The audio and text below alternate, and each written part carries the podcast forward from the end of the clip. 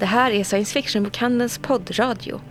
Vi är en podd som utforskar de fantastiska världar, framtidsvisioner och alternativa universum dit fiktionen tar oss. Jag heter Klara. Och jag heter Jenny. Och idag ska vi prata om vad vi tyckte var bäst under året. Alltså vad har vi läst och sett som vi tyckte var riktigt, riktigt bra.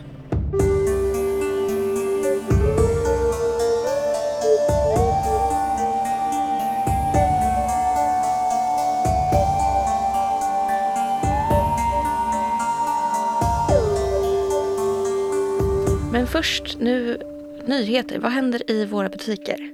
Ja, just nu så är det ju mest att julhandeln pågår för fullt. Väldigt mycket julhandel. Men vi har faktiskt en eh, signering. 9 december så kommer Orvar Sävström och Jimmy Wilhelmsson och signerar boken om Alga. Mm. Alltså om de här gamla brädspelen som alla spelade när vi var små. Ibland fortfarande spelar. Ja, såklart. Men? Ja, nu börjar ju året ta slut och då måste man ju prata om vad som hänt under hela året, för det är ju obligatoriskt tydligen. Mm. Eh, jag tänkte att vi skulle väl rätta oss i ledet här. Det kan ju alltid vara roligt att, att se tillbaka också på året och se om det faktiskt kommit ut någonting som man tyckte var bra, få ja. ett överblick. Även om det är väldigt svårt att komma ihåg vad som faktiskt kom ut i januari. Men vi har ju ändå plockat ut några favoriter. Någonting som faktiskt kom i januari, till och med första januari, det var ju Resolution, den nyårsspecialen Doctor Who mm. med trettonde doktorn. Mm. Det kom ju ingen julspecial det året, och det var ju mm. förra året då, eh, utan de gjorde en nyårsspecial istället. Mm. Och den kom då första januari, så den kommer absolut med på årets bästa. det har ju varit lite delade meningar om själva serien mm. nu, säsong 11 var det, av nya Doctor Who. Ja. Det är lite förvirrande att hålla reda på det där, jag vet. Men oavsett vad man tyckte om resten av serien, många tycker att... Jag, jag kan hålla med lite om kritiken. Jag tyckte att några avsnitt var lite... Mm, lite sådär, helt enkelt. De var inte dåliga, de var bara lite sådär. Men nyårsspecialen var ju alldeles fantastisk. Alltså, nu har det ju gått snart ett år, så jag vet inte om man kan kalla det för en spoiler längre. Men... Kör på. Om man, vad blir det? 11 månader gammalt ja. avsnitt. Jag ska inte säga för mycket, men jag kan säga det att det, det är mitt favorit Dalek-avsnitt. Mm. Ja, det bästa som har gjorts som handlar om en Dalek, tycker jag. Eh, nu är det ju så att självklart så funkar inte det här avsnittet om inte alla andra avsnitt med Dalekar redan hade existerat. Det bygger ju mm. på allting som har kommit innan. Men det som de har gjort med det här avsnittet var bara så så bra. Så att eh, ja, det, det platsar verkligen bland de allra bästa.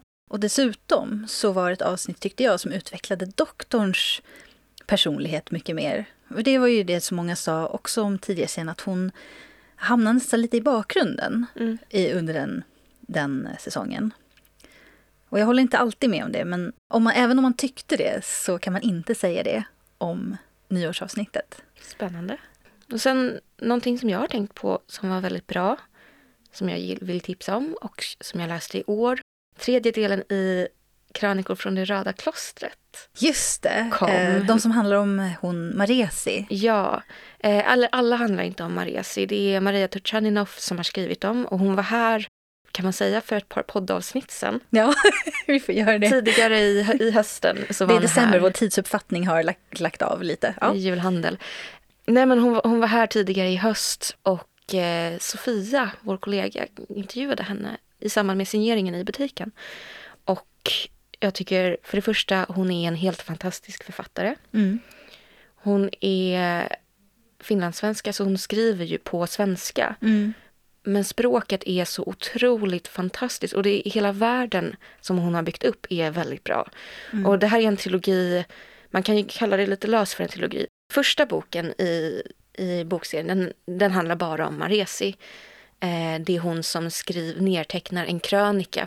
Eh, och Röda klostret är ett kloster på ön Menos där, dit inga män får komma. Och eh, det är ett ställe där flickor och kvinnor ska kunna arbeta och lära sig tillsammans. Ja, det, här, det här är ju en fantasyvärld. En jag ska fantasyvärld. påpeka från början. Att det är inte vår värld. Så det är ju inte en, rakt av en motsvarighet till någon historisk händelse. Nej. Men däremot så får man väldigt mycket känsla av tidig medeltid, eh, klosterväsende, kanske... Ja, men tänk liksom Heliga Birgitta och hennes Mm. sätt att skaffa makt. Eh, det fanns inte så många sätt för kvinnor i, i den kulturella sfären, i den, Nej. tid, i den Sen- tidsåldern. Sen är det ju också, för bok två i serien, det Mm. handlar om de kvinnor som grundade klostret. Ja, Och där, de handlar både, både första boken handlar om, det är, de är väldigt, alla böckerna är väldigt feministiska eh, på ett väldigt bra sätt. Det, det handlar om eh, patriarkalt våld mot kvinnor.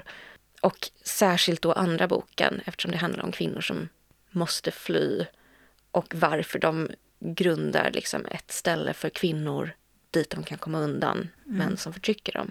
Eh, så det finns väldigt många hemska händelser i den boken. Så Mm. jag är ganska glad att min kollega som tipsade mig om den var så här, läs den inte när du mår jättedåligt. nej, nej. Eh, för att, för att vissa, vissa händelser, även om det inte är något explicit som beskrivs, för Mm. att de, de klassas som ungdomsböcker, men jag tycker, inte, jag tycker de är... Ja, jag tror att de gör det för att... eh, jag, jag vet inte riktigt. Alltså, Mar- Kanske för att de inte- Jag tror också om det är en huvudperson som är, Ja, som är barn ung. eller ungdom. Maresi i första boken, då, där är hon ju är hon 13, 14. Ja, det handlar när- om hur de växer upp på det här klostret. De Ja, kommer dit då- som en ung flicka. Hon, liksom. hon, hon kommer dit som en ung flicka. Sen är den stor, stora delen av handlingen utspelar sig under en kortare tid och sen Mm. nedtecknar Maresi det efter för att hon har varit väldigt inblandad i det. Mm. Och då är hon 13-14. Sen i tredje boken, som var den som, jag, som kom nu i år, eh, breven från Maresi, så är Maresi 17 år och har åkt hem till sin hembygd för att starta en skola där. Eh, och den handlar väldigt mycket om fattigdom, om bondesamhälle, om eh, vikten av att ha tillgång till att lära sig. För det här är ett folk som de förtrycks av eh, vad ska man säga, en överklass. Som, det är bara överklassen som kan läsa och skriva. De skriver på avtal, de vet inte vad som står där. Och så kommer fogdar och ska liksom inkräva allting som de har. Och det är, det är väldigt nära till svält, till, fat, till fattigdom. Hotet med döden finns så himla nära där. Ja, som sagt, det, det ekar ju väldigt mycket av den här eh, tidiga medeltiden med, med pesten som alltid är lurade i, Mm. i, eh, runt hörnet. Mm. Eh, olika det, det är inte så mycket farsoter. pest, men... det är mer just den här svälten. Men, ja, och svält också Ja. förstås. Men att det fanns väldigt många faror i det samhället Ja. och, och var väldigt svårt för, för de outbildade att skaffa sig någon form av säkerhet. Och också vad ligger värdet i utbildning? För när hon ska börja starta den här skolan så är det ganska starkt motstånd. För Mm. varför ska våra barn gå dit? De kan ju hjälpa till på fälten. Vi behöver det här. Det är praktiskt. Alltså, inte bara för att här, här är dumma och outbildade föräldrar utan det finns en faktisk om de inte hjälper till på fälten så kanske man kommer svälta. Ja, men det, det är ju värdet av kunskap för kunskapets egen skull. Det, det är lätt att underskatta det. Man behöver inte kunna sätta fingret på vad nyttan med varje sak behöver vara. Från första början. Det Jag tycker det är lite, jag håller med. Och det jag tycker om med den också, det är ju att eh, eh, det är en fantasy som inte känns som den här typiska pseudomedeltida feodalsamhälles fantasyn från den anglosaxiska Alltså- typen av fantasy som verkligen, som, som mest bygger på eh, Tolken? Ja, Tolkien och han i sin tur byggde väl på samma sak, men väldigt mycket engelsk medeltid. Mm. Eh, kanske engelsk-fransk, men framförallt engelsk medeltid. Det är roligt ibland också att läsa någonting som kulturellt ligger närmare oss. Mm. Och också en, en, ett perspektiv som man inte ser så ofta. Mm. Och hon blandar ju också, hon tar ju olika influenser från olika, vad ska man säga, kulturer eller geografiska miljöer. Mm. Där det kommer in och det känns väldigt naturligt. Och en sak som jag måste säga att jag älskar med det är hur magin behandlas i böckerna. Ehm, det finns inte ett enda rätt svar på vad magin är. Jag tänker till exempel i Röda klostret, där, där är, tillber de, de, alltså de tre gudinnorna. Just det. Men på andra områden så har man andra gudar eller en annan tro. Hon pratar ju mycket om det i intervjun också. Ja. Att eh, det inte finns, eller hon har i alla fall inte skrivit ut det rätta svaret. Eh, att människorna i hennes värld har inte hittat det rätta svaret. Och, och där, utifrån det så kan man tänka, finns det ett rätt svar? Eller är det snarare så att alla kan ha rätts, rätt, rätts inom citattecken? Ja, det, här, det här är ju eh, eh, lite av en parentes. Jag, jag lyssnade på en podd som heter Our opinions are correct med eh, Charlie Jane Anders och eh, Anna Lynn Newitz. Och de tog upp det här med att se magi som, som en del av vetenskapen. Uh, men jag tycker att det är väldigt svårt att tänka ifrån det. Det är en väldigt intressant podd för övrigt. De mm. diskuterar väldigt mycket företeelser inom fantastiken, framförallt science fiction. Då. Mm. Men här pratade de om magi kontra vetenskap. Och det är väldigt svårt tycker jag, när det finns en kraft som eh, uppenbarligen påverkar eh, världen och, och ting i världen och företeelser i världen. Och, och liksom säga att, eh, eh säga, om man kallar den för magi så tänker jag att det är bara namn på en kraft som man inte har lärt sig att förstå än. Mm. Men det är ju en kraft som existerar för att den påverkar världen. Mm. Och man kan se att den påverkar världen. Men jag har inget bra svar där heller för hur man ska...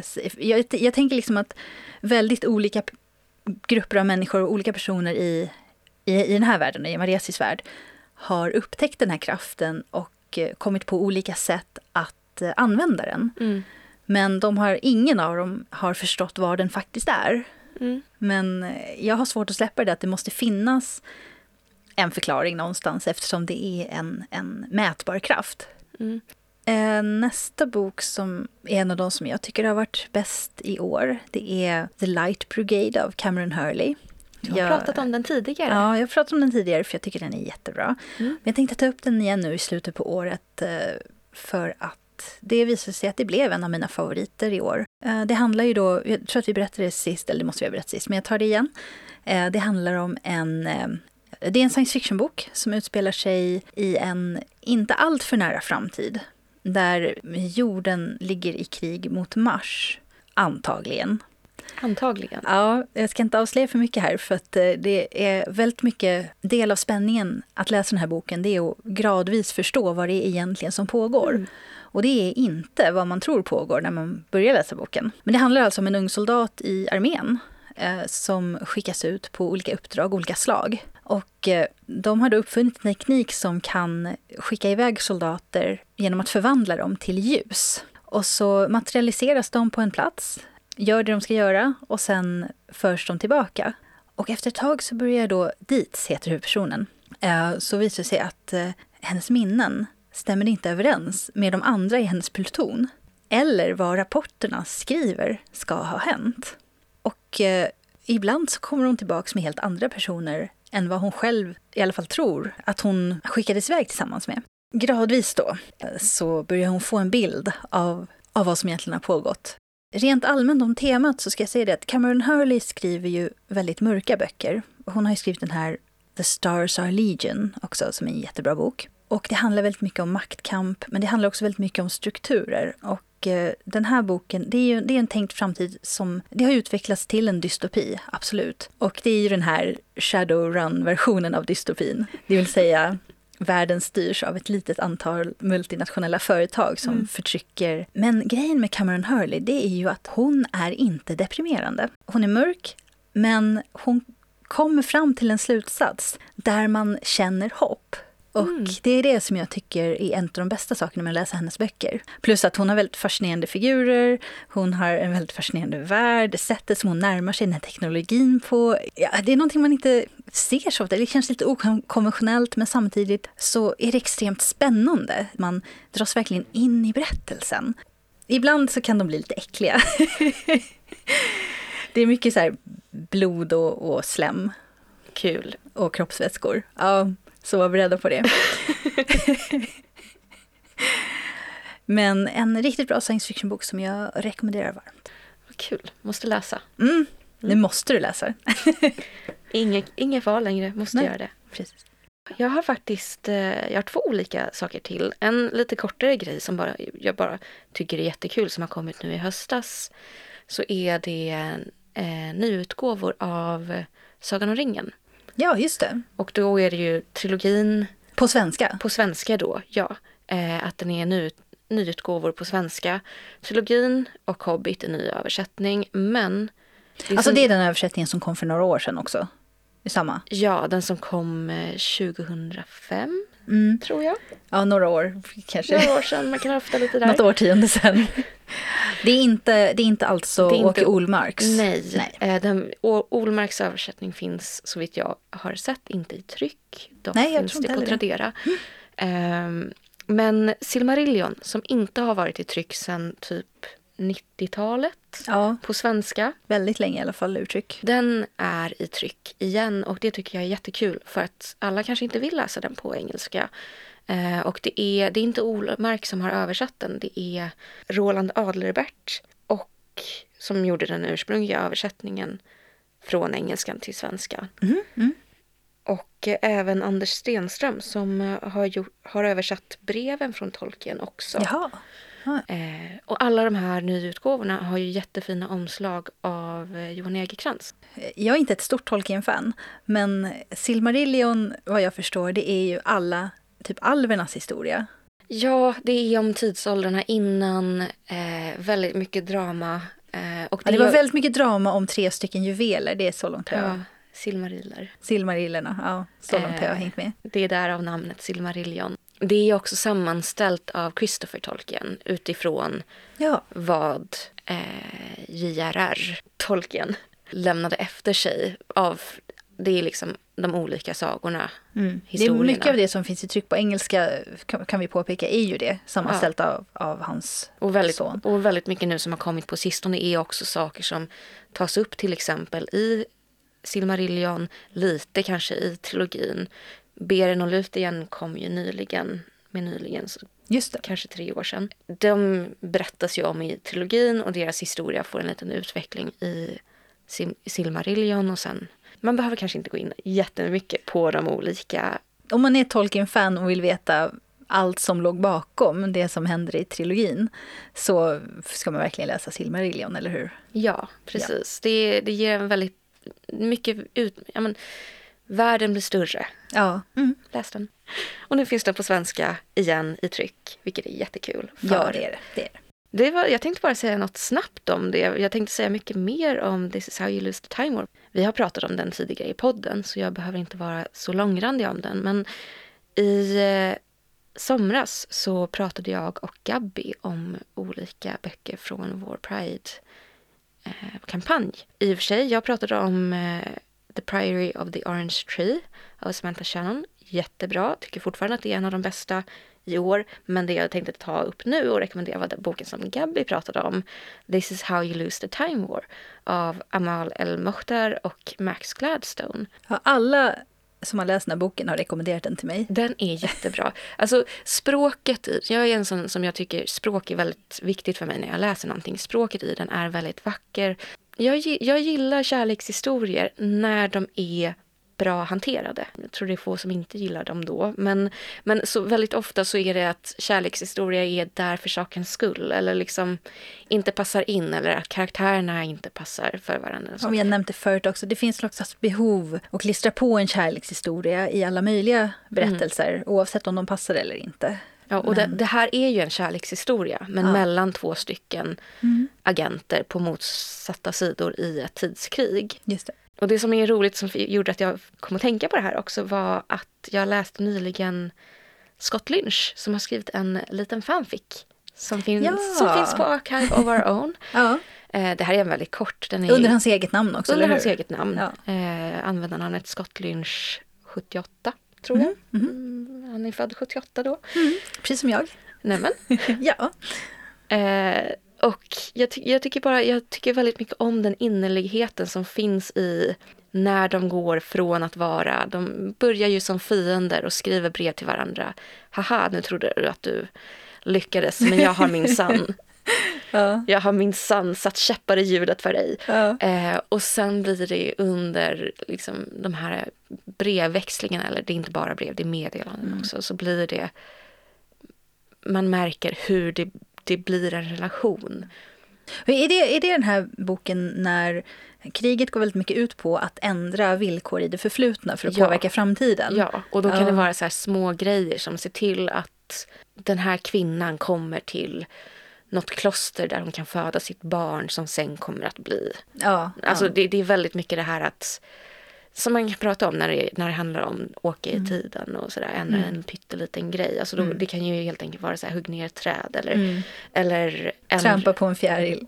Trampa på en fjäril, mörda den här personen. Eller se till att det kommer ett speciellt ljud i en speciell i ett speciellt kloster dit pilgrimer färdas mm. för att det någonstans ska få en upplevelse som sen 20 år framåt i den tidslinjen ska leda till att den här personen gör sig eller så.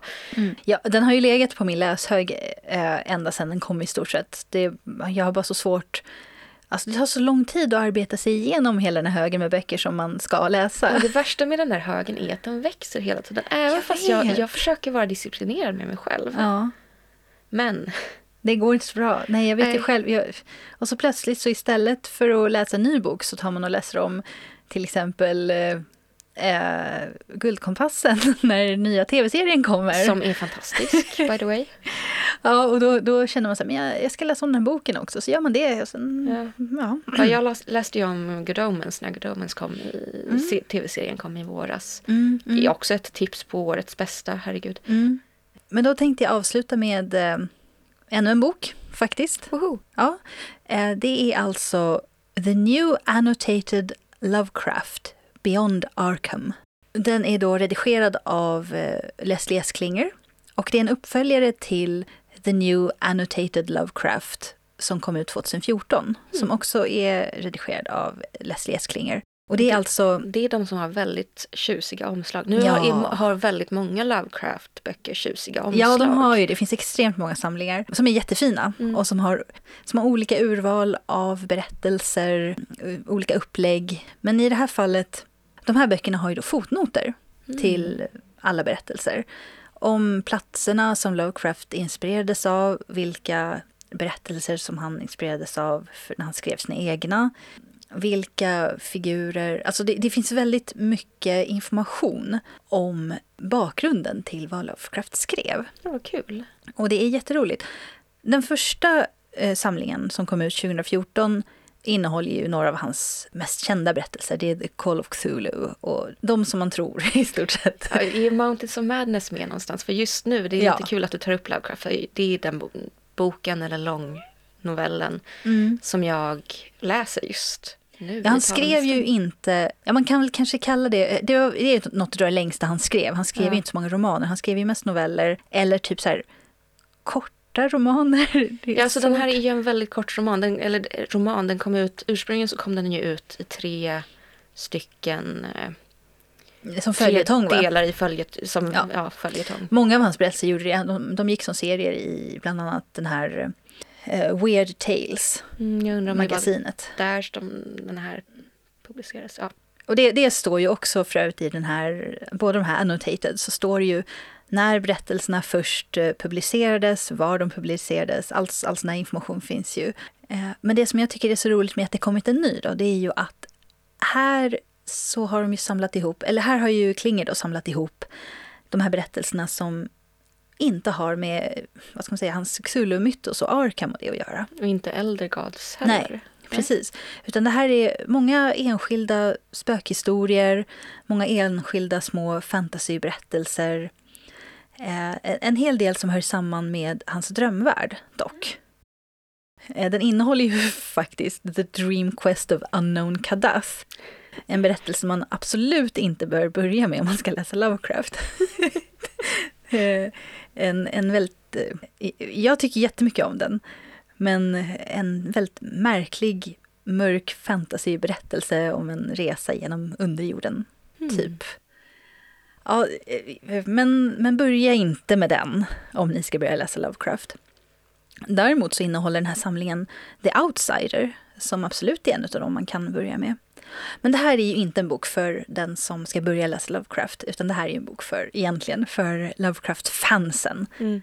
Som vill ha fina utgåvor på papper som är bra kvalitet, massa information, vackra bilder, Eh, alltså, det är verkligen en, en, en praktutgåva. Jag har ju alla de här berättelserna redan i andra utgåvor, men eh, det spelar ingen roll. Man kan ju aldrig få för många riktigt fina böcker. Och sen innehåller den ju också eh, bland annat då den här berättelsen The Horror of Red Hook som möjligtvis kan vara hans mest rasistiska berättelse som han har skrivit, vilket är en bedrift. Eh, ju, han har ju inte varit rasistisk i bara en berättelse. Nej, eh, men här går han ju över alla gränser. Typ den och Polaris är också riktigt så här, ursäkta. Men eh, förordet i den här boken är skrivet av Victor Laval mm. som skrev den här Ballad of Black Tom. Victor Laval är ju en afroamerikansk författare mm. som är ett stort fan av Lovecraft. Och han skriver ju om sitt komplicerade förhållande till Lovecraft och, han, och hans författande. För han älskar, han älskat berättelsen sedan han var barn och när han växte upp sen och började se de här sakerna. Som, alltså det är så lätt som barn att inte märka mm. vad katten i The Rats of the Walls heter till exempel. Och kolla upp det, det är fruktansvärt. Och, men, men, så här, men Eh, man blir så otroligt besviken när man upptäcker det här mm. hos en författare som man älskar. Och Victor Laval skriver då om det i förordet. Eh, men han har ju som sagt också skrivit den här The Ballad of Black Tom, eh, som är en fristående roman som baseras på The Horror of Red Hook. Den, den kom också ut för några år sedan. Men den är jättebra, jag rekommenderar den varmt. Mm. För det, då får man ju den här berättelsen då ifrån en, en afroamerikan som bor i Harlem och dras in i det här och ser det här då från sitt perspektiv istället för den här då irländsk-amerikanska polisen som det handlar om i, i originalet. Mm. Jag tycker att The Horror of Red Hook blir en väldigt bra berättelse i Victor Lavals tappning. Mm. Eh, men eh, här kan man ju också läsa originalet då och, och se fotnoterna kring den och, och varför Lovecraft skrev som han skrev. Och, mm. Eh, det, det, är intressant, tycker jag. Så att man får inte bara berättelsen, utan man får väldigt mycket intressant runt omkring dem. Vilket jag som Lovecraft-fan verkligen uppskattar. ja, lite ja. som Tolkien ungefär. Precis, vi, vi har alla våra områden som alltså, vi är extra nördiga på. Jag älskar ju Lovecraft också, men jag har inte ja. läst så mycket. Nej, du läser Mountains of Madness nu. Var... Jag läser Mountains of Madness nu. Jag har läst några av novellerna. Mm. Eh, och så vi spelar ju... Vi spelar ju, ja, Call of Cthulhu. Horror on the Orient Express. Ja, det är jätteroligt. Det är, och det är snart slut, jättespännande. Ja, vi har bara två sessioner kvar. Okay. Eh, men ja, jag rekommenderar det till alla som, som verkligen gillar Lovecraft och har läst. Man behöver inte ha läst allt, eh, men om man har läst lite av honom och vet att man tycker om det så är det här väldigt intressant. Och naturligtvis för den inbitne Lovecraft-fantasten. Ja. Men jag tänkte att vi skulle höra med några av våra andra kollegor också vad de har tyckt varit bäst under året. Ja. Så jag tänkte, ja, vi, vi eh, går över till dem då och försöker få tag på några och se vilka vi hittar. Ja, toppen. Och då har ju du gjort oss sällskap, Petter. Ja, jag ja. hoppar in i ett litet gästspel den här veckan. Ja, precis. Det är så mycket att göra nu i jultider, så att, men en, litet, eh, en liten stund kan jag vara med. Mm för en liten rekommendation. Exakt. Perfekt. Uh, jag tänkte ju då tipsa om uh, en av de bästa serierna som jag läst i år. Uh, och vi hade ett avsnitt för några månader sedan som handlade om serier utan superhjältar. Just det. Så då tänkte jag prata om en serie med en superhjälte istället, som lite omväxling ja. den här gången. Det är en serie som heter Spiderman Life Story, som är då som namnet antyder en Spindelmannen-serie. Och av dem finns det ju väldigt, väldigt många eh, sådär. Ja, precis. För det första, vilken Spindelmannen är det? Det är alla. Det är lite det som är alla. grejen, kan man säga. Ja. Det här är en one shot, så det här mm. kan man liksom bara hoppa in och läsa helt fritt utan att känna att man behöver... Eller så här, storyn i den här boken behöver man inte liksom, den är helt fristående. Man behöver inte läsa 40 år av backstory liksom. Nej, Nej. men hela grejen med Spiderman Life Story är att Eh, det är kul att känna till i stora drag hur Spindelmannen-historien har sett ut sen, början på, sen det började på 60-talet. Ja. Är det någon som inte gör det nu? Uh, ja, det tänker jag. Det, man kan väl de grundläggande grejerna, liksom, biten av en radioaktiv spindel och sådär. Liksom. Ja, farbror Ben. Precis, precis. Ja. Men det som den här premissen uh, för den här serien är att den utgår ifrån tanken att tänk om det här var samma person som, alltså, som rent i realtid har upplevt allt det här sedan 60-talet. Oj! Så då börjar det på sex, varje kapitel är liksom ett årtionde. Så Ja. då är ett årtionde på 60-talet, ett på 70-talet, 80, 90, Ja. 00, 10. eh, så. Ja, har de med den här framtidsspindelmannen nej, också? nej, de går fram Nej, till okej. nutid liksom. Okej. Eh, och sådär. Men det roliga är att de, ja som sagt, de väver in allt från, Mm. eller så här, på ett väldigt kul sätt så väver de in eh, det som har hänt honom liksom, genom åren. Ja. Så vi har liksom hela Green Goblin-storyn finns med och hela klonsa- klonsagan är med här också. Jo, jag, jag minns den. Ja. Och symbioten är med och det är Ja. sådär. Ehm, och det är väldigt roligt hur de gör det, just utmaningen att liksom skriva ihop det här. Men, men har de med Miles Morales då också? Han är med i en liten roll, Ja, okej. eh, faktiskt. Ja. Eh, på slutet där liksom, Ah. eh, så dyker han upp eh, på ett sätt. Och det blir, lite, det blir lite hysteriskt, men jag tyckte att det var roligt. För att det är sådär, liksom, det är mycket som ska avverkas på väldigt kort tid. Ja, liksom. Alltså det är såhär, nu är du en klon. Nej men jag var inte klon, utan det var du som var klon. Och så, Ja. så det är mycket, det är lite stundvis nästan lite farsartat. Men jag tycker det är väldigt charmigt och det, det lyfte storyn väldigt, väldigt mycket. Eh, och den är skriven av uh, Chips Zdarsky, heter han. Okej. Eh, som man kanske känner igen om man läser serier. Han har tecknat en väldigt bra serie som heter Sex, Sex Criminals, så, som är en väldigt uh, egensinnig och som han gör med, tillsammans med Scott Snyder, tror jag han heter, han som gör den. Så det är en rekommendation också om man inte har läst den än. Ja, och sen är den tecknad av Mark Bagley som är en ganska fram, eller känd Spindelmannen-tecknare från, från 90-talet.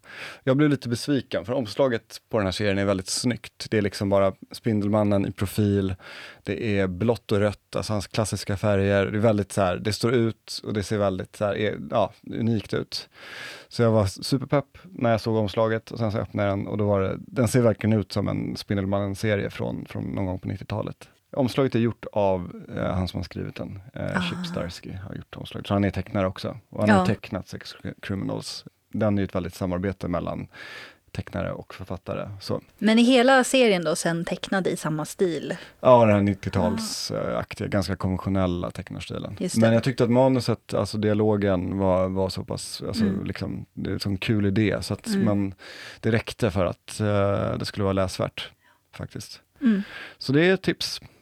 Annars i år, jag vet inte, jag eh, var och såg nyligen eh, en film som jag tyckte väldigt mycket om, eh, som heter The Lighthouse. Det är nästan som ett kammarspel, utan, och det handlar om, det är Robin Pattinson och William Dafoe som spelar fyr, fyrväktare. Det börjar med att de kommer ut till den här fyren och hela filmen utspelar sig på den här fyren. Och det är någonstans vad ska man säga, sekelskiftet 1800-1900-tal, det skulle jag gissa på. Eh, och ja, man får följa de här två fyrvakterna när de blir, driv, driver varandra till vansinne. Det blir total galenskap och det är liksom, ja den är fantastisk. Det är två bra skådisar som liksom, ja det är de två, det är liksom, de har hela filmen för sig själva mer eller mindre. Och det är bara så jävla härligt att se att två skådisar får liksom bara gå all in och spela skiten ur två roller. Eh, och den är också väldigt fin, den är filmad i svartvitt och det känns liksom som en gammal film. Typ. Alltså den är väldigt sån, sån känsla. Och riktigt hantverk liksom. Precis, precis. Och sen så är det som gör att det är liksom en lite film som är lite i, på, i vårt, på vår spelplan är att det, det, det är mycket, spelas på vad som är verkligt och vad som inte. Det kan vara lite sjöjungfru med och kanske lite uh, tentakelmonster, kanske. Eh, man vet inte riktigt. Och det så- låter helt fantastiskt. Ja, Men det, är, det är en sån här film som, som när den kom, jag var så här, åh men det där låter nå- som någonting som jag vill gå och se. mm, Och sen har jag bara haft kvar den här känslan av att, åh den här filmen måste jag gå och se. mm, Och helt glömt bort vad det var den handlade om. ja. Så att, eh, bra rekommendation för mig också. Nu kanske Ja. jag äntligen tar tag i det och, och ser den. Ja, ja, den är verkligen, den är, den är väldigt unik. eh, så. Mm. Gillar man måsar ska man inte se den. Tycker man det är obehagligt med måsar ska man nog inte se den heller. Är, måsar i framträdande roller kan man säga. Jag har ju sett ehm, eh, Hitchcocks Fåglarna. Ah, ja. mm. Eh, och en lång tid efter det så hade jag bara fått för mig att den hette Måsarna. Mm. Jag tänkte inte på den här måsen, är det Tjechov, den gamla pjäsen? Den har jag inte sett däremot. Så, ja, måsvarning. Mm, måsvarning på den. Mm. Uh, I allmänhet. Men, väldigt sevärd. Jag tyckte jättemycket om den. Mm. Den var toppen. Ja, men roligt. Två bra tips Två i tips som sammanfattar året. Ja. Uh, sådär. Det har varit ett bra år. Det har det varit. Tack så mycket. Och nu kommer ett eh, litet speltips ifrån vår spelexpert Andres in English. I like that term, spelexpert. Ja. Vad tyckte du har varit bäst under året? Vad har varit ett riktigt bra spel som har släppts i år? There have been a lot of games that have, I would say, released in the last 12 month window that people would be considering some of the best games that have been produced in the last five to 10 years. Immediately, the things that come to my mind are Root. Um, Root is this asymmetrical uh, area control game wherein every faction plays completely different. It's a lot of fun. I recommend it over, over uh, a lot of asymmetrical games that have come out in the last couple of years. What kind of players would enjoy that game? Players who like to more or less figure out the engine of their of their character or faction and then how that engine can overcome other different obstacles because as i said every different faction plays completely different to the other ones what kind of games would you have liked to play before this if you would like this game i would say it's not too much of a leap to have played things like say small world or Innis is one of my personal favorites as well and then get into root hmm. I think that's going to be one. That being said, both these two games are games that I played early on in the year and I haven't played much since uh, when it comes to my personal favorites. Yeah. We both we both know. We mentioned it last year, I think, or the last time you had me on for like the year end review. Call of Cthulhu. We're still on our Horror on the Orient Express campaign. I've taken over GM responsibilities, and we have three sessions left over the end of our four-year mm. campaign. That's Aren't right. you excited, Getty? I am so excited, and I actually we all me and Clara actually already talked a bit about it. Really? Oh, I can't wait to hear that. Earlier in this program. Yes, because uh, yeah, we're playing today, tonight. Yes. And we're really excited. Mm-hmm. And it's uh, it's weird to mention, you know, a campaign that people can't buy, but Horde on the Orient Express campaign, really fun, and um, I'm very happy with what we've been able to accomplish over these last like four years of running this beast of a campaign. And you can, of course, buy Call of Cthulhu, the oh, role-playing yes, game. That is true. Buy Call of Cthulhu. That buy the Berlin book, which has a really cool adventure in it. It's it's better than every game on the on the shelf. It, it's really good. Uh, I don't know if I can compare it with anything because I have. It's the only role playing game yes, I've played. But if, uh, so. the last time we discussed this, you considered yourself a complete amateur role playing, and yeah. I mean you're still playing this campaign four years in. So you you can I think both you, Claudia, and everyone else that's playing with us can no longer uh, stand by and say that you don't play role playing games because you do play role playing games. That's true. Uh, before I go, um, there was one game that I wanted to briefly mention. It's also something that our customers cannot currently buy, but I'm working very hard to try to get it into our stores. It was my favorite game from the Essence Spielmesse called AV Paranormal Investigators. It's a game in which players play as paranormal investigators in the 1970s trying to uncover mysteries. In the 1970s? Exactly. So it's very kind of um, Amityville horror or even kind of like the Omen style of like creepy haunted house and creepy like you know walls that drip blood kind of things. Now uh, I love the Cthulhu like games. You you are sort of paranormal investigators in them, mm. sort of, but they all uh, they all take place in the 30s, 20s, and 30s mm. usually. Mm. Not not as late as the 70s. Actually, I'm not sure that. I mean, even like the new paranormal supernatural wave that's become popular is very 80s mm. focused, mm. isn't it? That's true. It all has that kind of like 80s Stranger Things nostalgia going on too. It's really weird when you you're I I grew up in the 80s. but it's been fun and weird. Yeah. But yeah, the 70s I, I sounds really fun actually. Um, Something you haven't seen that often. No, the, my favorite part about it is that you play the game in complete and total darkness. All the all the characters have a little LED light on them that are shining the board, and that's the light to which you could see then what's available in the room to you. Uh, which I thought was a brilliant mechanic that, um, without spoiling other different scenarios and things things that happen, was one of the most cool, unique aspects of that game. Oh, let's hope we can get it then. Uh, Maybe next year. Yeah, I mean, the, hopefully in like February or something like that. We'll see. Oh, perfect. Mm-hmm. Thank you so much. Hej Gabby, du har också ett litet tips till oss, eller hur? Ja, det är ett äh, jättegammalt, jättenytt tips. det är nämligen den äh, klassiska mangan The Poe Clan av Moto Hagio som kom ut på engelska nu i augusti i år. eh, och kom ut första kapitlet i Japan 1979. Så vi har fått vänta länge och väl. Men det är en stor tjock bok. Det här är inget man liksom köper till någon som kanske är lite nyfiken på manga, utan eh, ja, hur ska jag beskriva det? Den är ungefär lika stor som en av våra inbundna klassiker, The Complete Sherlock Holmes eller något. Ja, en rejäl bok. Rejäl bok. Men den handlar om eh, ett par vampyrsyskon. Och det här är, om man är lite intresserad av manga historia så är den jättespännande, för Moto Hagio hör till den här kända eh, gruppen av tecknare som revolutionerade shoujo manga, tecknande framför allt. Och den är dessutom riktigt bra. Jag hade ju det hette gruppen den. som höll igång på 70-talet, eller hur? Ja. Så det var ett tag sedan. Men... Ja, eh, Ryoko Ikeda och andra ingick där också. Och deras inflytande var också enormt stort på det som sen blev anime-stilen. Ah. Men det som överraskade mig när jag läste den här, det var ju hur, hur spännande jag fortfarande tyckte handlingen var. Det, det är jättegotiskt. Anne Rice-fans och så, titta hit. För det är två barn, som, föräldralösa barn som har typ adopterats av vampyrer och när de själva blivit vampyrer och de är då fast i det här eviga ja, ungdomen. De är precis på, på gränsen till tonårsskap, ska man säga. Eh, och så får vi följa dem genom flera tidsperioder. Det händer, det händer olyckliga saker för dem och med andra som de stöter på. Det är ja, typiska vampyrer. Och ja, omslaget är så här härligt, det, det är de två och sen är det rosor på och allting, men bara, det är precis what you see is what you get. Ah, fantastiskt. Eh, så jag är jätteglad att eh, Fantagraphics har valt att ge ut den här. Mm. Jag är jätteglad att den motsvarade precis alla mina förväntningar och jag tycker också att, alltså är man intresserad av vampyrer eller klassisk manga så är det här verkligen ett bra bra köp. Eh, och det är dessutom en väldigt fin julklapp då i och med att det är en stor och rejäl bok. Eh, och jag tänkte, jag kanske ska så här, om jag får så vill jag göra ett litet förtips, för nästa år kommer en annan gammal Nej, det får du absolut inte. Eh, nej, jag skojar bara. Det är ja. klart du får. Det är klart du får.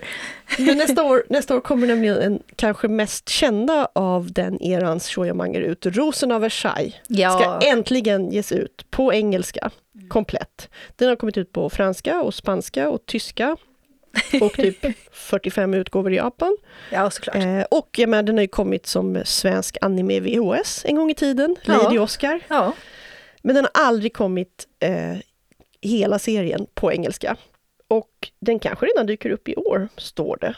Om vi har tur. Ja, så här, december eller januari då, så vi får väl se. Jag skulle rekommendera att man förbokar den om man är intresserad. Den ligger på vår hemsida.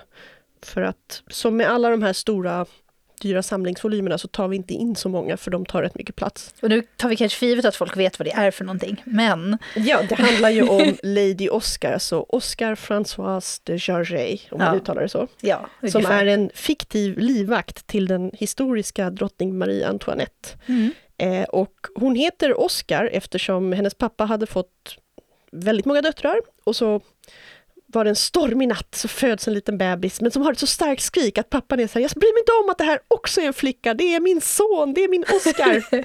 och uppfostrar henne till att rida och fäktas och allting.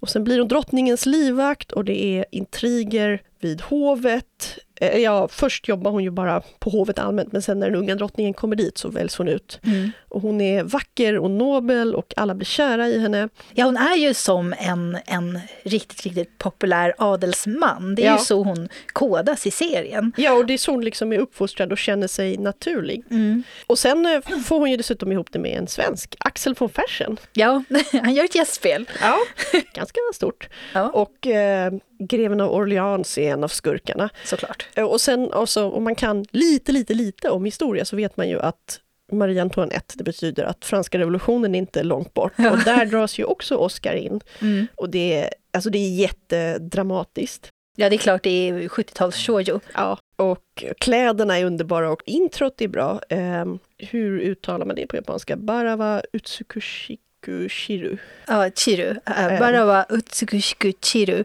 Alltså eh, rosen, rosorna eller rosenbladen skingras eh, ja. vackert. Eh, fantastiskt fin, finns på Youtube, lyssna på den. Ja. Om ni gillar den, då kommer ni gilla Lady Oscar-mangan. Mm. finns både en originalversion och en cover av bandet eh, eh Laren. Laren, just det. Precis, som, som också förläste sig på 70-talet och vampyrer och franskhet. Överhuvudtaget så är ju en hel del 70-talsshow inspirerad av Frankrike och franskt 1700-tal. Och eh, Europa, liksom ja, historiska... Europa.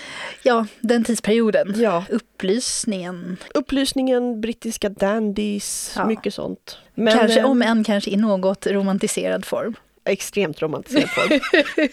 Men eh, ja, jättefina mangor båda två och eh, bra, bra utgåvor. Nu vet jag inte, det är Udon Entertainment som ger ut Rosen av Versailles. Eh, men jag hoppas att de gör en fin utgåva. Men alla Fantagraphics-grejer har alltid sett riktigt bra ut. Mm.